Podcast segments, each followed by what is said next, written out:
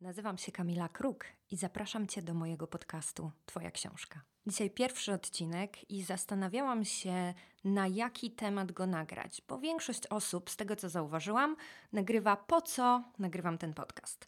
A ja pomyślałam, że podejdę do tego trochę z innej strony i opowiem Wam o tym, dlaczego jestem fanką self-publishingu. No właśnie, bo jestem autorką trzech książek, z czego pierwszą książkę Wyspy Komfortu wydałam właśnie jako self-publisher, czyli, czyli właściwie kto?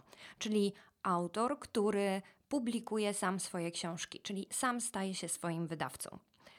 Nazywa się to czasem samopublikowaniem, samowydawaniem, natomiast mnie jednak najbardziej odpowiada angielski termin self-publisher i jego będę używać. Oprócz tego e, wydałam potem e, dwie kolejne książki, czyli Kim jesteś 125 zadań i wyzwań, żeby poznać siebie i Przedsiębiorcę w podróży. Czy mogę powiedzieć, że te książki zostały wydane jako self-publisher? Z jednej strony tak, dlatego że nadal zarówno byłam autorką, jak i wydawcą tych książek, a z drugiej strony już wtedy powoli zaczęło się rozwijać nasze wydawnictwo. No i pytanie, czy jeśli wydajesz drugą, trzecią książkę, jesteś już wydawcą, czy nadal self-publisherem. Ale może to na którąś inną rozmowę. Czemu tak bardzo e, zachęcam do self-publishingu? Pomimo tego, że sama teraz jestem wydawcą i oprócz wydawania swoich książek, wydajemy też książki e, różnych autorów i polskich, i amerykańskich, takich jak Gary Weinarczuk, Fredrik Eklund, Josh Altman, Diamond John, Lori Greiner, e, czy z polskich Jacek Walkiewicz. Dlatego, że nadal uważam, że forma self-publishingu jest najbardziej korzystną wersją dla autora, jeśli chodzi o wydanie książki.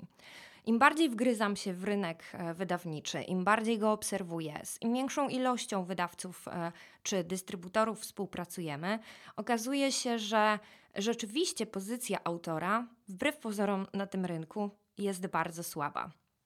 Poza tym, wiele osób do swoich książek podchodzi jak do dzieci.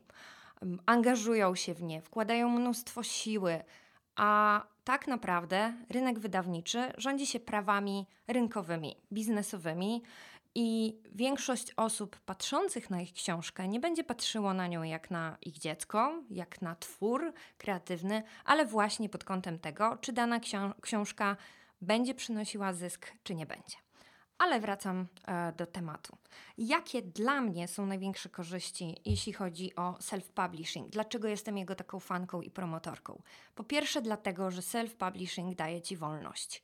Nie musisz, tak jak to stereotypowo e, wiele osób ma wyobrażenie, e, tak chyba z filmów, prosić kogoś o zgodę na wydanie Twojej książki. E, nikt nie kreśli Ci połowy stron, nie wyrzuca e, iluś fragmentów, bo nie będą pasowały, bo nie przyjmą się na rynku. Tak naprawdę to ty decydujesz, co opublikujesz. Twoim jedynym weryfikatorem jest właśnie rynek, czyli czytelnicy i klienci. Do czego zachęcam um, od razu, tak, do takiej weryfikacji na samym początku.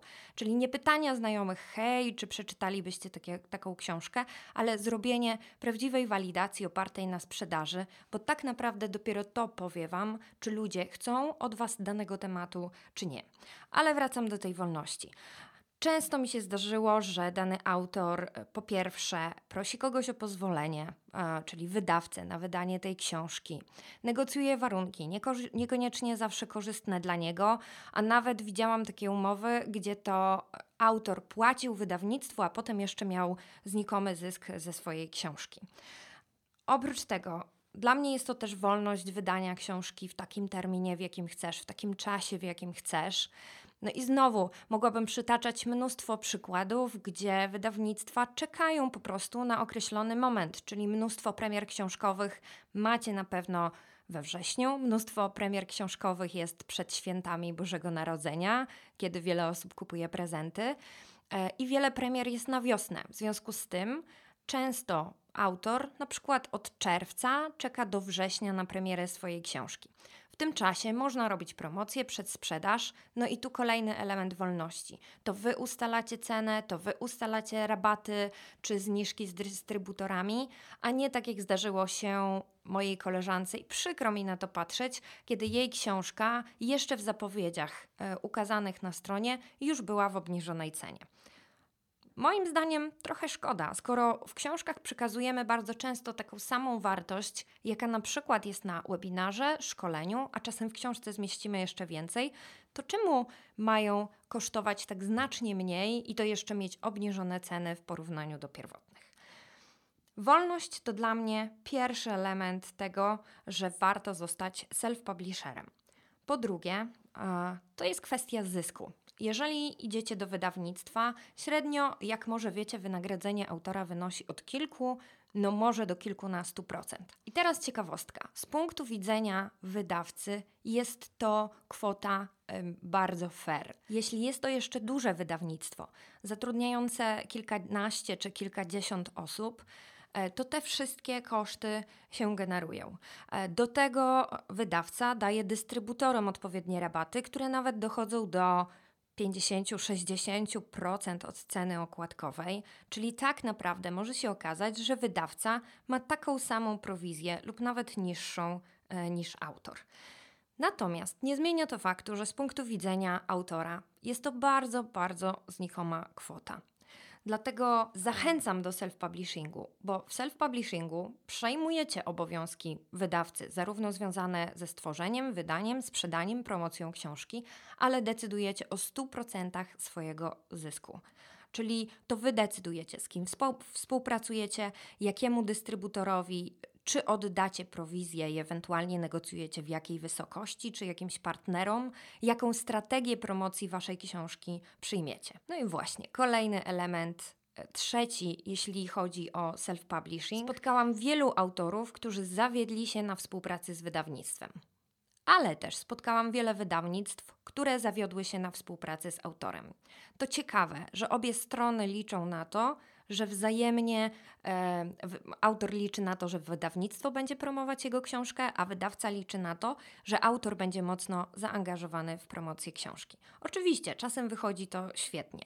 Natomiast niejednokrotnie ilość pracy, jaką włożycie w promocję książki jako autorzy, versus zysk, jaki otrzymujecie od wydawnictwa, wasze wynagrodzenie, porównując to do włożonej takiej samej pracy, jeśli jesteście self-publisherem i tego, jaki zysk możecie uzyskać dla siebie ze sprzedaży książki, no jest tutaj znaczna różnica. I znowu, jeżeli powiem Wam też z punktu widzenia wydawcy, że jeżeli autor nie angażuje się w książkę, nie jest ambasadorem swojej własnej książki, to w jaki sposób wydawca może być bardziej ambasadorem książki niż autor, czy nawet ktokolwiek inny?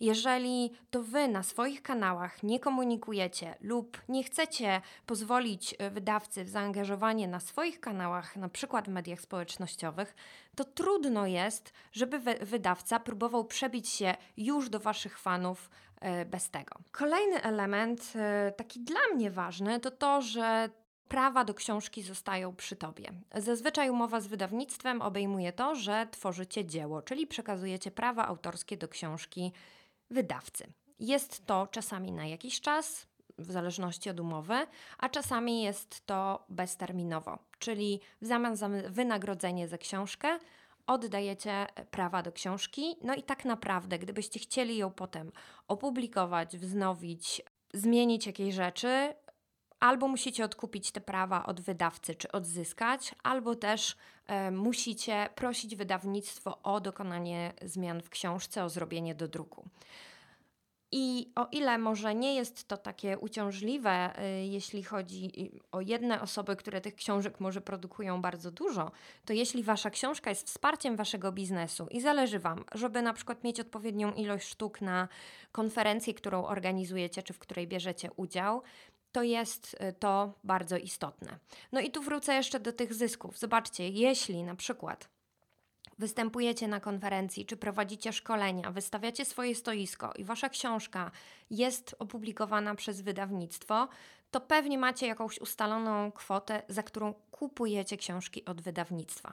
Tak, tak, kochani. Odkupujecie książki od wydawnictwa. Autor zawsze ma kilka, kilkadziesiąt książek, które dostaje y, od wydawnictwa w ramach umowy, ale też y, potem ma ustaloną kwotę, za którą odkupuje książki. Zatem znowu, nawet jeżeli to wy organizujecie swoje wystąpienie, nawet to jeżeli wy robicie stoisko, jeśli to wy sprzedajecie, to nie macie 100% z książki. Zresztą nie jest to dziwne, no bo wtedy wydawnictwo pewnie pokryło koszty e, wydania, stworzenia, no i jakiejś e, części e, promocji tej książki, chociaż nie dotyczącej tego jednego wydarzenia. Jako self-publisher macie 100% zysku i to wy decydujecie, ile książek zabierzecie i jakie będziecie promować.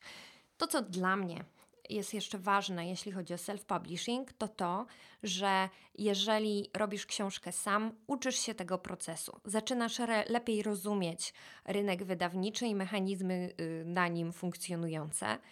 Y, I w przypadku, jeśli zdecydujesz się wydać kolejną książkę, a powiem Wam też jako przykład i ciekawostkę z naszych grup, w których uczymy ludzi, jak publikować swoje książki jako self-publisherzy, czyli wspieramy ich w tym procesie. E, wydało już książki ponad 30 osób, z czego e, powstała jedna osoba, wydała już drugą książkę, a cztery czy pięć e, szykuje już swoje kolejne książki. Także jest coś w tym, że wydając pierwszą książkę, zaczynasz widzieć, jaki wpływ ona ma na ciebie, na twój biznes, na rozwój e, twojej kariery zawodowej. Widzisz też, jaką wartość jesteś w stanie dać ludziom, e, i to zachęca po prostu do tworzenia kolejnych, e, kolejnych książek. Powiem też, że książka może być fajnym uproszczeniem, ułatwieniem w prowadzeniu Twojego biznesu, zwłaszcza w takich biznesach, w których edukujesz, czyli dajesz porady, czy jest to e, kwestia jakiejś dietetyki, stylizacji, nie mówię nawet o rozwoju osobistym, ale też różnego rodzaju wsparcia takiego biznesowego, e, marketingowego firm, to książka może być też ułatwieniem dla Ciebie w prowadzeniu biznesu, bo często klienci zadają po prostu bardzo, bardzo podobne pytania. E, no i e, też przechodzimy do, do takiego jednego elementu, że ok, nauczysz się procesu, będziesz mógł kolejne książki wydać sam, ale jeżeli jesteś self-publisherem, masz pełną e, odpowiedzialność, ale też pełną wolność dysponowania swoją książką, możesz zadecydować, jaki element będzie ona stanowiła w Twoim biznesie. Czy będzie na przykład dodatkowym produktem, czy ma być elementem, który sprowadza do ciebie klientów? Czy chcesz, żeby była Twoją wizytówką i ułatwiała Ci nawiązywanie współpracy z kontrahentami? Czyli na przykład wtedy niekoniecznie idziesz w duży zasięg, ale trafienie do odpowiednich osób z Twoją książką. Czy tak jak powiedziałam przed chwilą, jest na przykład ułatwieniem w Twoim biznesie i zamiast po raz dziesiąty tłumaczyć to samo, zaraz po, zamiast po raz piętnasty szykować materiały na szkolenie, po prostu wydasz swoją książkę i będziesz ją proponować klientom, którzy zaczynają współpracę z Tobą i zadają właśnie takie podstawowe pytania, lub będziesz dołączał ją jako materiał e, szkoleniowy. Czyli funkcji, jakie może pełnić książka, e, tutaj w takim kontekście właśnie zawodowo-biznesowym jest bardzo dużo. Większość osób zwraca na to uwagę, że książka buduje Twój wizerunek. Natomiast e, moim zdaniem książka jest w ogóle świetnym narzędziem marketingowym i wizerunek jest tylko jednym z elementów, który tu się pojawia. Natomiast dużo ważniejsze są inne funkcje, które może spełniać właśnie w kontekście promowania ciebie, e, przyciągania do ciebie odpowiednich klientów, czy w ogóle zapoznawania ludzi z tym, że jest y, taka osoba jak ty albo po prostu bycia konkretnym produktem i dodatkowym e, kanałem, który przynosi ci zysk w Twoim biznesie. I to są chyba takie najważniejsze rzeczy, takie najważniejsze korzyści, jeśli chodzi o self-publishing. I tak jak mówiłam, pomimo tego, że jestem wydawcą e, książek, e, szczególnie amerykańskich, dlatego że właśnie polskich autorów zachęcamy do tego, żeby zostali self-publisherami. Bo nawet u nas w wydawnictwie, pomimo dużej świadomości, nie jesteśmy w stanie dać autorom większych procentów niż e, inne wydawnictwa, patrząc na to, jakie są koszty wydawania książek i jakie są warunki współpracy z różnymi dystrybutorami. I o tym będę chciała mówić. O ciekawostkach, jakich nauczyłam się, jeśli chodzi o rynek wydawniczy, jak on funkcjonuje, jakie mity czy wyobrażenia na tym rynku są. O tym, jak wydać swoją książkę jako self-publisher, e, jak ją stworzyć, napisać, jak ją stworzyć może sprytnie, niekoniecznie zawsze pisząc w jaki sposób wygląda cały proces wydawniczy. Zaprosimy też, myślę, że zaproszę też kilka osób, e, które podzielą się swoimi zarówno doświadczeniami jako self-publisherzy, ale również swoją wiedzą, e, gdyż odpowiadają za jakiś element e, tego procesu. Będzie też o marketingu i sprzedaży. No i nie zawaham się też mówić o ciekawych książkach, bo chciałabym, żeby więcej osób miało możliwość na przykład poznania takich książek jak Droga Artysty, która fajnie pobudza osoby, które chcą napisać swoje dzieło. Zatem zapraszam Was na kolejny odcinek już za tydzień. A jeżeli nie możecie się doczekać, albo już teraz zależy Wam na większej ilości informacji na temat self-publishingu i wydawania samemu książki, to zapraszam na stronę www.wydajsamksiążkę.pl, gdzie przygotowaliśmy kilka materiałów wideo na ten temat. Pozdrawiam Was serdecznie. Kamila Kruk.